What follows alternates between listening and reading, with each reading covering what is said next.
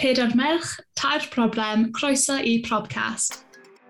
Oedd o mewn full relationship efo hogan o Manchester. Beth? Ah. Shit, fi wedi cofio quite yn iawn ble o'n i'n eistedd. O gyda fo'r audacity wedyn i ddeud, is that what you're wearing? No. Morning bach cyn dechrau, falle bydd na bach o regu yn y podlediad yma. pawb a croeso i Probcast, podcast newydd hans, lle bod ni grŵp o ferched sy'n ceisio navigator bywyd gyda hurdles gwahanol yn trafod probs yr 21st century. Fi yw Amber. Holly dwi. Haia, fi yw Mared. A Beth ydw i. Bob wythnos, bydd un ohonym yn cyflwyno thema i'r grŵp a bydd y tair arall yn dewis problem ar y thema yna allai bod yn rhywbeth maen nhw'n ffeindio bach yn annoyin neu maen nhw just wedi cael llondbol o. Bydd pawb yn cyflwyno'i achosion i'r cadeirydd ac yr achos gweitha sy'n ennill. Thema wythnos yma yw drumroll, perthnasoedd a deito. Merched, mm. dwi'n really edrych ymlaen at clywed storys dating chi a storys wild dating chi. Oh, God. Beth, nawn ni dechrau gyda ti wythnos yma, felly beth wyt ti wedi dewis am prob ti wythnos yma? Wel, dwi wedi bod mewn relationship really, really solid, smooth, easy going am 8 mlynedd, so sgynna fi ddim llawer i ddweud. Triana ti. Look at it! I know, what a problem to have. Yeah. Ond um, mae gen i fi stori actually am chwaer fi a y problem hi ydi cheatio. Hang on, ydy'r chwaer yn cool gyda hyn? Yndi, yeah. dwi wedi cael yeah. dwi full permission, she signed an NDA, we're good to go. Dwi'n amto hi. Ond um, oedd hi mewn relationship efo, wel, o pen oedd hi yn, o, dwi'n meddwl oedd hi'n un o'r ddeg oed yn ysgol, ond oedd nhw mewn fully fel committed relationship. A oedd o'n actually byw hefo hi. So oedd o'n byw efo hi during lockdown blwyddyn dwytha a oedd o'n mynd am bike ride i exercisio. So oedd hi'n meddwl dim byd amdano fo fatha, oh, mae'n siarad exercise, fabulous, keeping fit. Not exercise, honey, oh no. Yeah. Well, a maybe exercise. yeah, bit of exercise, a bit of other things. so, yeah. A wedyn dyma hi'n sgrwlio'r TikTok un diwrnod, a nath un o'r fel recommended things ddod i fyny yn deud, oh, would you like to follow such and such person? Ac oedd eitha, um, wel, mae'n byw fo fi, mae'n cariad i fi, so dwi'n pretty sure bod gen fo ddim TikTok. So dyma i'n mynd ar efo, mi oedd gen fo TikTok, full on videos o bob dim, a thi fewn i'r comments o'r videos ma, ac oedd hogan yn literally professio love hi i fo yn y comments. No. Ac yn deud fel, I can't wait to see you, I love you so much. Ac oedd eitha, who are you? So, oedd hi'n gorau mynd adra wedyn, oedd o ar y bike ride ar y pryd, so it happens, mm. a dyma fo'n dod adra, a dyma hi'n confrontio fo, a dyma fo literally just yn dechrau beichio crio, a nath o just did, here's my phone, like, go through it, enjoy, a oedd o mewn full relationship efo hogan o Manchester. sy'n wei bell o'n ni. Ah. A maen nhw actually wedi splitio fyny a mae, mae o hefo'r hogan mawen, which is Na. amazing. Cwestiwn i'r boyfriend, hmm. sut yn y byd wyt ti'n creu TikToks ar y slei? Ie, yeah, ac oedd y TikToks yn bedroom hi. Yn Na. bedroom hi, fatha mae rhaid bod hi'n shower neu yn, bo, yn y tŷ yn fwyla, ond oedd o'n yn bedroom hi yn neud y TikToks ma. Mae hyn am next level. I know. Sleuth. Bizarre. Beth ti'n meddwl bod ti ddim yn mynd i gael dy ddal ar like, the most public thing in the world? Wel, mae mor confident a cocky, de. Mm. Oedd o just, oedd o fatha, I can get away with anything.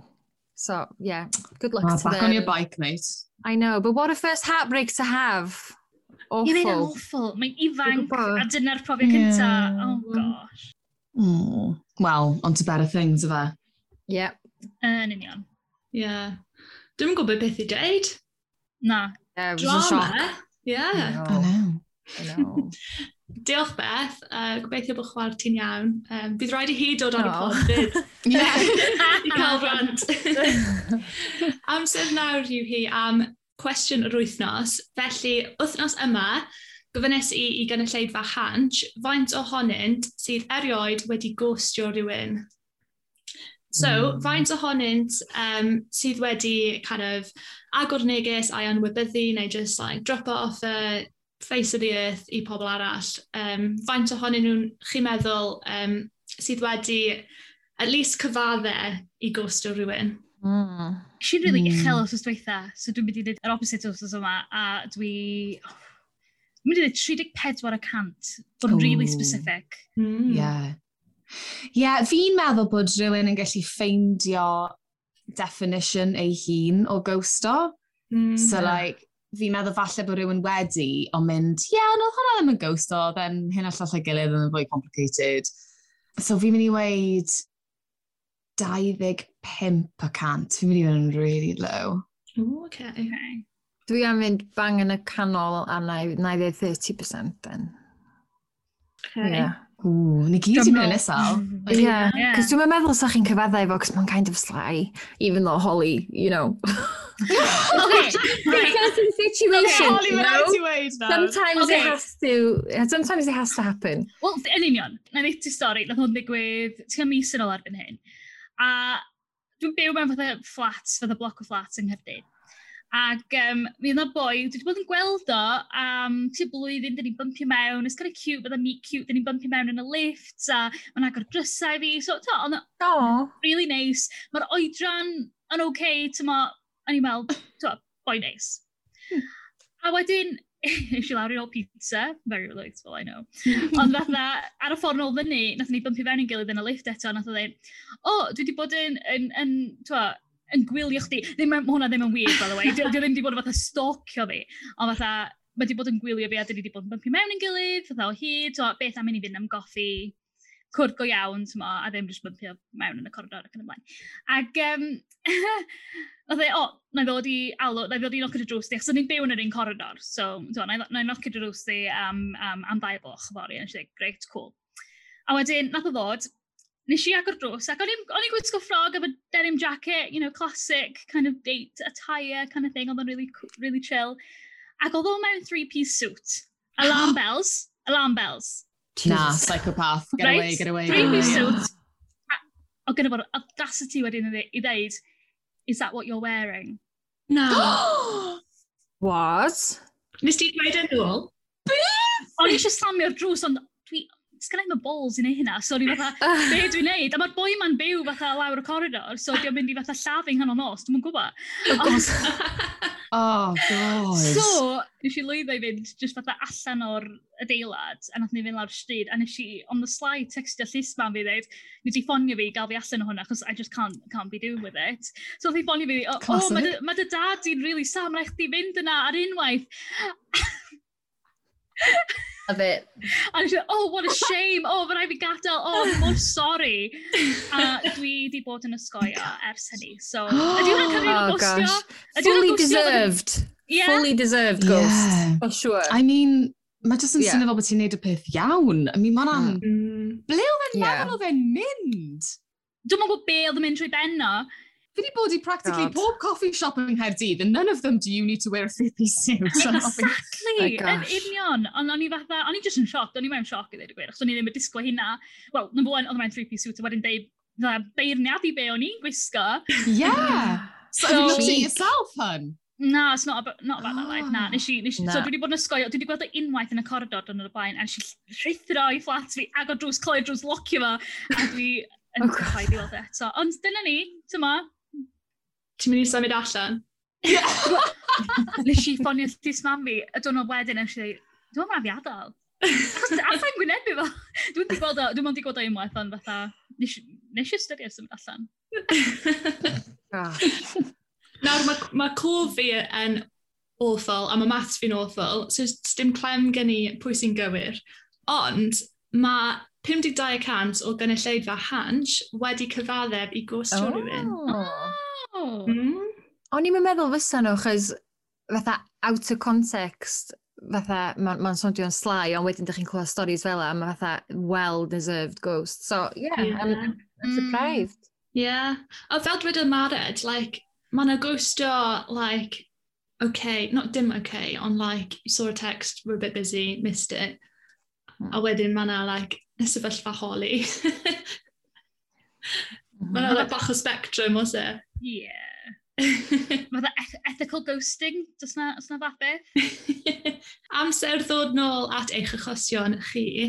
Mared, ti sy'n nesaf, nes ti roi hint i stori bach yn embarrassing yn yr episod diwetha, Felly, beth ti, mm. wyt ti wedi dewis fel prob dating a um, relationships ti am wythnos yma? Ie, yeah, wel, ni ddim yn mynd i um, Island World a stori wythnos diwetha, ond um, fi yn mynd i rhannu be fi'n ffendo'n fwyaf embarrassing am deito.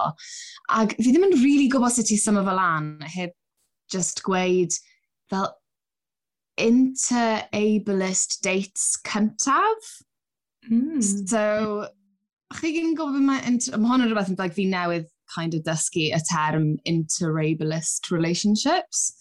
Um, so pan mae'n rhywun um, gyda anabledd neu chronic illness neu be bynnag sydd bynnag nhw'n identifio yn y berthynas a mae yna rhywun sydd ddim. Mm -hmm. A fel okay. be mae hwnna'n meddwl i'r berthynas, obviously, chi'n byw profiadau gwahanol, mae fe'n ei peth yn fwy complicated, mwy diddorol, whatever. Nawr, pan ti mewn perthynas, fel unrhyw un arall, unrhyw perthynas arall, dyw e ddim yn rili really broblem, dyw e ddim yn rili really achosi uh, straen ar berthynas na dim byd, it's just, it is what it is, fath o beth. Ond, pan ti'n mynd ar dates cynta ti, mae'n gallu bod yn really fucking awkward. So mae gen i namgolwg, ond mae fe'n kind of er ar hyn o bryd yn anabydd cydd, achos pan fi'n cerdded lawr y stryd, ti ddim nesaf ni'n gwybod bod fi ddim yn gallu gweld achos sa'n defnyddio ffon, na gaidog, na dim byd fel na. So, ie, yeah, fi just di wneud gymaint o bethau really embarrassing lle fi'n trio esgus bod fi yn gallu gweld, neu yn gallu gweld digon, neu lle dyn nhw ddim yn gwybod bod fi'n ddall, neu fi jyst eisiau fel downplay o fe. A fi'n gwneud pethau really embarrassing, fel mynd mewn i tai bach y dynion yn lle tai bach y merched. Na. It's so awkward. And just kind of like, like sut ti'n siarad mas o hwnna? Like, yeah, dyna really moyn neud. Yeah. Like, ah, you can't. Yeah. Ah! Yeah. And fi'n cofio un o'r rhai gweitha oedd pan nes i fynd i'r bar i nôl drinks. A pam o'n i wedi dod nôl, o fel o'n i'n ystod ti fas, oedd y, sort of, oedd y gole di newid, ac oedd, like, mae gole'n really ffeithio baint fi'n gallu gweld, so, like, mm. oedd wedi llenwi lan bach mwy, oedd wedi mynd yn fwy tywyll, ac o'n i fel, shit, fi'n methu cofio quite yn iawn ble o'n i'n eistedd, like pa ford o dde, achos the loads o byrddau. E. Mm. Ni fel, oh my god, oh my god, oh my god, achos the last thing fi eisiau gwneud, yma mynd i'r bwrdd wrong. a nes i fynd at y bwrdd wrong, oh. ac eistedd gyda rhywun oedd ddim yn date fi. A wedyn just mynd, sorry. just. I'r bwrdd nesaf, yn oedd e fel, you okay? And you're, yeah, yeah, fine. fine. a pan mae rhywun ddim yn gwybod bod ti yn ddall. Like, mae hwnna'n edrych yn really interesting behaviour.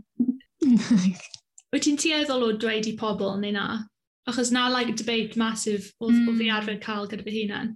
Yeah. mae'n complicated yn dywe, achos fel fi not fi hapus nawr dyddiau yma i weid wrth unrhyw un, really. Mae ddim just am dates, fi'n meddwl o'n i'n ffind o fe'n anodd gyda unrhyw un, achos fi'n mewn position lle fi yn gallu datgelu fe a'i peidio, sydd yn whole complex fel privilege issue weird thing yn ei hun. Ond, ie, yeah, am flynyddoedd o'n i really, o'n i really ddim yn gyfforddus, achos mae fe fel ti'n gorfod gweud y thing mam dan o ti, and then mae'r ma, conversations i gyd yn dod am hwnna, a ti'n poeni bren bod barn pobl ohono ti yn newid ar ôl i ti weid yn wrth nhw, y gyd maen nhw'n gallu meddwl amdano hwnna yn lle, like, pwy o'i ti. Mm. Um, sy'n really frustrating achos di pobl arall ddim yn gorfod delio gyda'r gyda, you know, hwnna, rhan identity nhw. Ond be fi ffeindio yw really, os ti yn gweud yn fwy cynnar, well, this is what I'm trying anyway.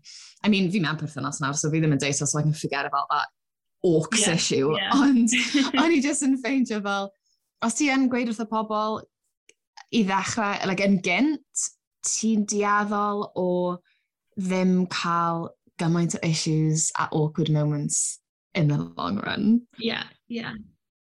Achos y hera ti'n gadael e, mae fe jyst yn mynd yn fwy awkward, a wedyn mae'n troi mewn yr thing yma fel pam wyt ti'n cuddio hwnna anyway, kind of thing. Mm. Ond mae'n rhywbeth really anodd, mae'n really fel y negotiation yna. Mae'n mm. Mm-hmm. complicated thing. Cos like, fi'n cofio just bod mewn bar like, gyda pobl o'n i'n gweithio gyda, so oedd lot o drannau gwahanol o bobl, a oedd e'n just mewn fel pub lleol yng Nghyrdydd.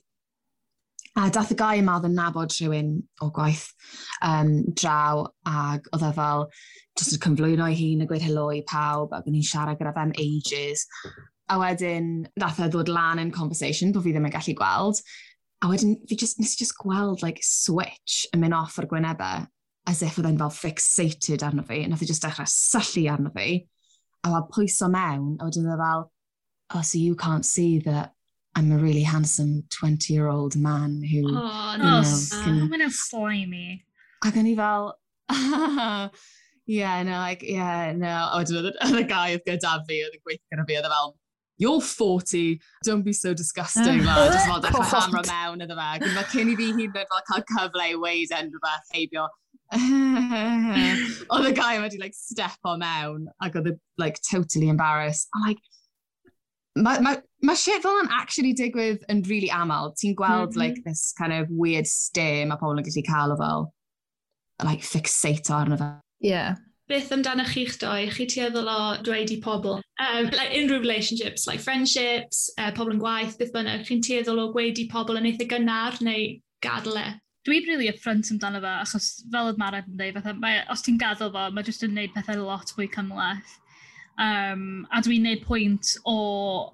Mae'n mae clymu mewn efo, efo, efo problem fi nes ymlaen, ond fatha, dwi'n gwneud pwynt o ddeud yn gynnar, hyn oed, twa, os dwi ar y dating apps, os dwi ar fatha Hinge neu Bumble o whatever, fatha dwi'n deud fatha, dwi'n rhoi mewn, mewn ffordd sy'n eitha doniol, fatha, oh, fun fact, I'm deaf, I can't hear you when I get song lyrics wrong. Fatha, dwi'n neud o'n dwi ffynnu i dynnu'r pwysau off, achos weithio mae pobl yeah. yn gallu ymateb, fel ydy ddim ar yn really weird. Mm. Pan, pan hmm. ti'n deithio nhw bod gen ti'n abledd, unai anabledd weledol neu amweledol. Mae ma, nhw, ma, ma, ma bron fel bod, bod bren nhw'n cymryd cam yn ôl, ond mae corff nhw dal yna. Yeah. So ie, yeah, na, os, os ti'n onest, dyna honesty is the best policy efo fi. Yeah, yeah. definitely. Mae'n fi'n really obvious, cos dwi'n mynd Catar Olwyn, so fe da'n really cuddio efo. Na fi ddim, na fi ddim. O ia, ond um, fatha ar Instagram a falle, sgym dydw i'n rili tynnu lluniau fatha yn cadarolwyn fi, I suppose. Dwi'n mwyn gwybod sut sy'n ni'n mynd o gwmpas efo os o'n i ar dating sites, actually. Um, Mae'n siŵr sy'n ni'n deud rhywbeth yn y bio, sort of thing, ond Dwi'n meddwl sy'n ei ddeud llun, cos dwi'n gallu sefyll chydig, um, just dim llawer, so fydrai cera rhwng tyddi a falle. So mae rhan fwy o lluniau fel Instagram fi, mae'n edrych fatha bod fi'n normal, cos fydrai sefyll yn y mirror i dynnu llun, sort of thing. Mm. Ond, ia, yeah, dydw i, dwi'n gwybod pam dydw i ddim yn tynnu mwy o lluniau yn y cadarolwyn, cos mae'n gymaint o part o bywyd fi. Ond, um, yeah, well, fyd am cuddiad o out and about ond ar Instagram, dydw i, sa chi probably ddim yn gallu deud ti'n iawn, mm. anyway, ti'n like 8 mlynedd yn deep. Yeah, I'm, I'm, yeah. I'm good. Sorted. Living in yeah. bliss. Nes i wneud real, wel, mae fe'n doniol nawr, ond, oh, just really awkward ar y pryd. Nes i cysgu gyda boyfriend sydd da fi nawr, uh, cyn dweud unrhyw beth iddo, iddo fe. Felly mae um, anabledd fi yn cydd, ond um, mae da fi'r like, bagstoma a scars a peth fel yna. Um, felly, ie, yeah, nes i cysgu da fe, heb dweud iddo fe. A'r bore nesa, oedd e mor awkward. a nath e just dim deud unrhyw beth bless him. so, dwi'n cytuno, mae ma bod yn e, uh, honest ac yn upfront o'r dechrau yn pethau fi'n credu. Yeah. Mm. Yndi. Felly, cymerwn ni brec bach arall nawr o achosion chi a chwarae gêm o'r enw gwir neu gau. Fe wna i darllen tri datganiad i chi, ond dim ond un ohonyn nhw sy'n wir. Felly mae lan i chi'ch tri i dyfalu pa un yw hi. Felly, dyma'r tri am wythnos yma. Rif un, byddai 10% o bobl yn canslo det just achos dydyn nhw ddim yn hoffi'r lleoliad.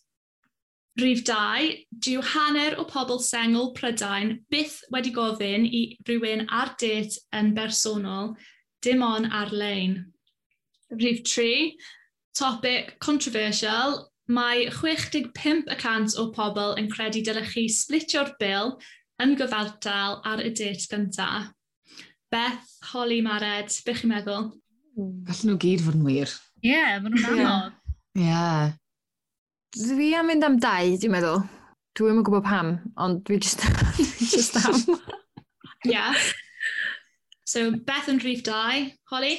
Ww, hynna'n anodd. Um, na i fynd am rhif tri. Yeah. Yeah. Yeah, ni'n mynd i fynd am rhif tri, hefyd. Just gut instinct. Yeah, a fi hefyd. chi just ddim eisiau talu'r bil ydych chi?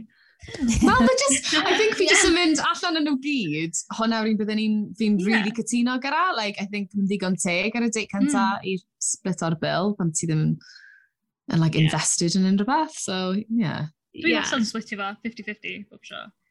Yeah. Okay. Yr ateb cywir oedd rhif 2. So, 2 oh. mewn beth. God, ti'n really dda yn y games yna. Ti'n really dda. Yeah. Dwi'n literally just in dewis random number. Dwi'n just fatha, um, okay, let's go with that one. Ond pen atho chi ddeud am rhif 3, o'n i dda, o, dwi wedi dewis yr un wrong. Ond o'n i'n meddwl eich bod rhif 3 yn fwy, fatha mwy o percentage eich dyna pam o'n i'n eisiau mynd am rhif 3. Hey. Yeah, it's a big thing nowadays ydy, fatha mae lot o bobl eisiau splitio, neu mm. cynnig splitio at least. Mm. Ti'n mynd i cael uh, Cwpwrth Trophies game yna yma nawr beth. Uh, Felly, am unrhyw un sy'n gan diddordeb ar y dau arall, nid 10% o pobl sy'n cancel o date oherwydd y lleoliad, ond actually 28% o pobl. Oh, wow. No, what? Yeah, yeah. A rhif tri, 47 y cant, oh. uh, so bron hanner um, eisiau splito'r bil yn cyfartal. Um, oh, so llai. Interesting, mm. yeah. Mae'r rhif un di sioc o fi. Mm. I know. Yeah. yeah Ond nag yw fel... Nag, nag ti'n gallu dewis gyra'ch gilydd lle chi'n mynd i fynd. Yeah. Bach yn yeah. extrem i fod fel, na, fi ddim yn hoffi'r bar yna, so sa'n mynd ar y date dim mwy. Ie, yeah, mae'n really odd. Mae'n ma percentage ychel hefyd. Mm. Mae'n trai jyst ddim hmm. imaginio sefyllfa fel e. Er, hmm. Actually, bod yn controversial. There we go. Na, na, na, okay. Hear me out, na. Ond mae'n rhan o prob fi, so fatha, achos basically, be os dwi ti'n mynd gallu clywed, so dweud bod ti mewn hmm. bar, mm. rhysur. So ni ddim yn deud wrth rhywun, dwi ddim yn mynd i fynd yna. Yeah. Ond, i rei bobl di pethau fel bars a pethau fel ddim yn accessible iddyn nhw. Ie, yeah, ie. Mm. Mae hynny'n lead rili really dda um, i problem ti. Felly, beth i problem ti wythnos yma, Holly? So mae o'n broblem eitha practical sy'n clymu mewn, chydig bach efo beth ti'n dweud marad hefyd, pan dwi'n mynd ar first dates, a mae'n clymu mewn hefyd efo'r um, bod ti'n bod yn onest efo nhw a deithio nhw bod gen ti anabledd. Os dyn ni'n mynd ar date, dwi gan amla, o'n i bai bod ni ar ben yn hunain, neu bod ni'n mynd i parc am picnic, neu, neu rhywbeth fel yna, dwi'n mynd gallu clywed nhw dda iawn, achos y sŵn y cefndir. Um, a dwi'n darllen mwy fusa. Um, erbyn hyn, mae ma clywed wedi gweithio gyd dros blynyddoedd, ond pan o'n i'n iau, oedd o'n well, ond erbyn hyn, os dwi mewn bar, neu os dwi'n y gwaith, neu os dwi hyn o mewn bydda canolfan siopa, dwi prin yn gallu clywed beth maen nhw'n dweud, a mae'n really awkward. Nid, nid, nid yn unig o safbwynt ffynnu bod ti fydda'n cael geiriau wrong neu bod ti'n clywed yn anghywir, ond bod allu fi ddim cael yr fatha'r intimacy na, lle ti'n cael twa, sgwrs dofyn ar rhywbeth, twa, a bod, yeah. bod ti'n gallu dod i nabod nhw, achos dwi, dwi yn, yn, yn treulio'r holl date yn canolbwyntio ar beth maen nhw'n trio ddeud. Mm. So fel arfer, na, i, na ddim deithio nhw lle dyn ni am mynd, ond na i ddeithio nhw, na, na i awgrymu ella syniadau sy'n mynd i weithio lle dwi ddim gofod poeni o hyd am beth maen nhw'n dweud, achos mae'n ma, ma bron roi cyr o pen i ti, achos mae'n really blino, ma, ma blino ti. Um, mm. A dwi eisiau bod yn, dwi, yn deg iddyn nhw hefyd, achos dwi eisiau actually trili amser efo nhw. Yeah. Uh, fel arfer, o'n i bai bod nhw'n gwisgo three-piece suit o'n nhw. a fi'n deall exactly beth ti'n meddwl am yr dewis y lle o ran pam mae gen ti fel yn ablad neu whatever. Fel fi yn hoffi dewis rhywle fi'n nabod yn really dda. Yeah.